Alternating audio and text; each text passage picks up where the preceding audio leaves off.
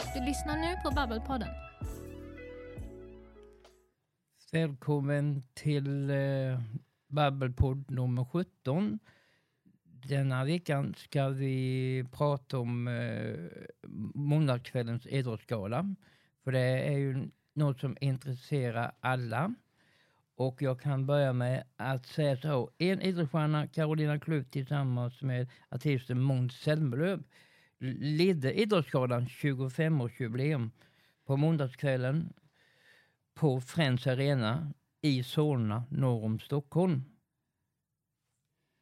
Så, så de ledde ju det tillsammans i denna omgången och det var, jag tyckte de var jätteduktiga som eh, programledare liksom så, under Idrottsgalan år 2024. Och det håller jag med också. Det är kul att det är en före detta, om man säger idrottsstjärna som håller på länge, som är med som programledare och kanske en som har lite rutin tidigare som Måns har. För Måns var ju med även i fjol och då stod han bredvid en annan duktig idrottsstjärna som åkte utför och det var ju Pernilla Wiberg. Ja, så, men eh, det var ju inte bara idrott. Eh, sen var det ju lite musikunderhållning eh, under kvällens gång efter halvtid så var det ju lite musikunderhållning också på eh, den galan. Och det var ju Thomas Stenström som sjöng lite.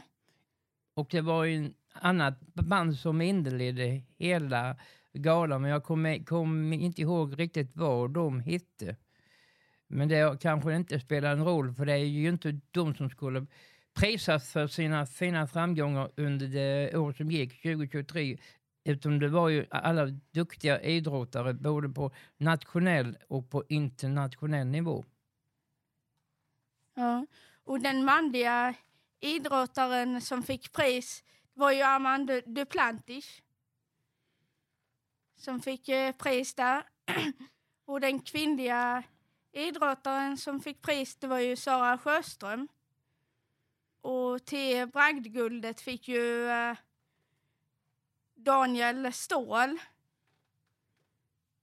Ja, och det var tre värdiga eh, som fick de här det enda som jag blev lite, tycker var en liten överraskning, det var Jerringpriset egentligen. Eh, nu stod det ju mellan Amando och, med, med, och Ebba Andersson i slutet efter de hade gallrat ut från 53. Eh, jag var bergsäker på att det skulle bli Amando som skulle få sitt andra raka, för det har ju varit ett antal idrottare genom åren som har fått mer än en gång Eh, och då trodde jag nästan, men jag är jätteglad att det gick till skidsporten och till, till Ebba Andersson, för hon gjorde verkligen en fin säsong i fjol. Ja, det tyckte jag med, liksom, att det var roligt eh, för henne, så det var ju verkligen en överraskande grej. Liksom så. Och sen tänker jag lite årets prestation, hur man ser det på. För det, det, det var ju många som var nominerade. Och alla de som var nominerade var ju värda, men i slutändan så var det Daniel Stoll som blev utnämnd till det. Hans friidrottaren. Och jag tycker, jag tycker han var värd det priset också. Även om de andra tre eller fyra kandidaterna också kanske var värda det. Eller vad tycker du? Jo, jag tycker han var verkligen värd det priset. Och ska vi prata om årets lag, där blev jag riktigt förvånad och lite överraskad. För det har alltid varit de här lite mera traditionella idrotterna. Där fanns ju kandidater som damernas fotbollsspelare och sånt. Där trodde jag nästan att de skulle bli nästan som givna, för det har det ju varit åren innan. Men jag tycker denna jury som har suttit och tittat på de här och det är ju, har, har väl kanske tänkt om lite.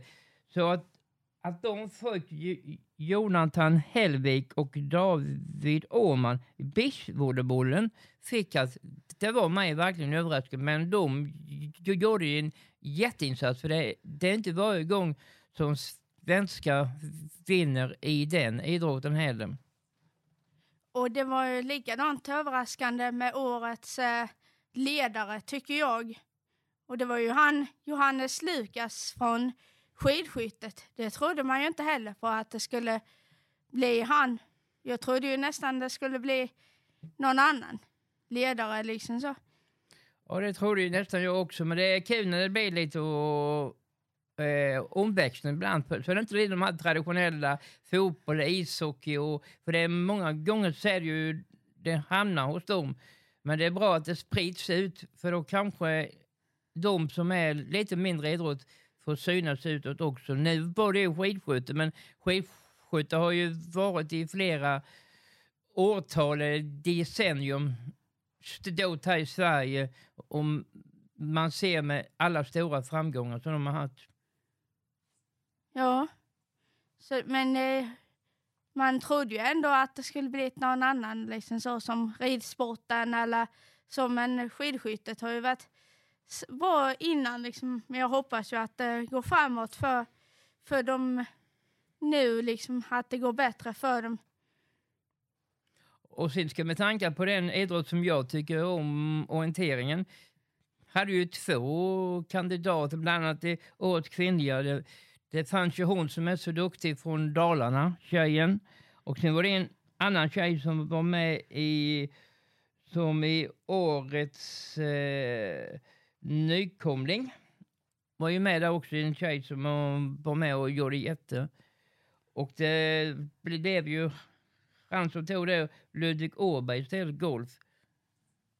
Ja, då eh, tackar vi för eh, denna Babbelpodden. Så återkommer vi med något nytt nästa vecka. Lyssnat på ett avsnitt av Babbelpodden med Christer och Johanna.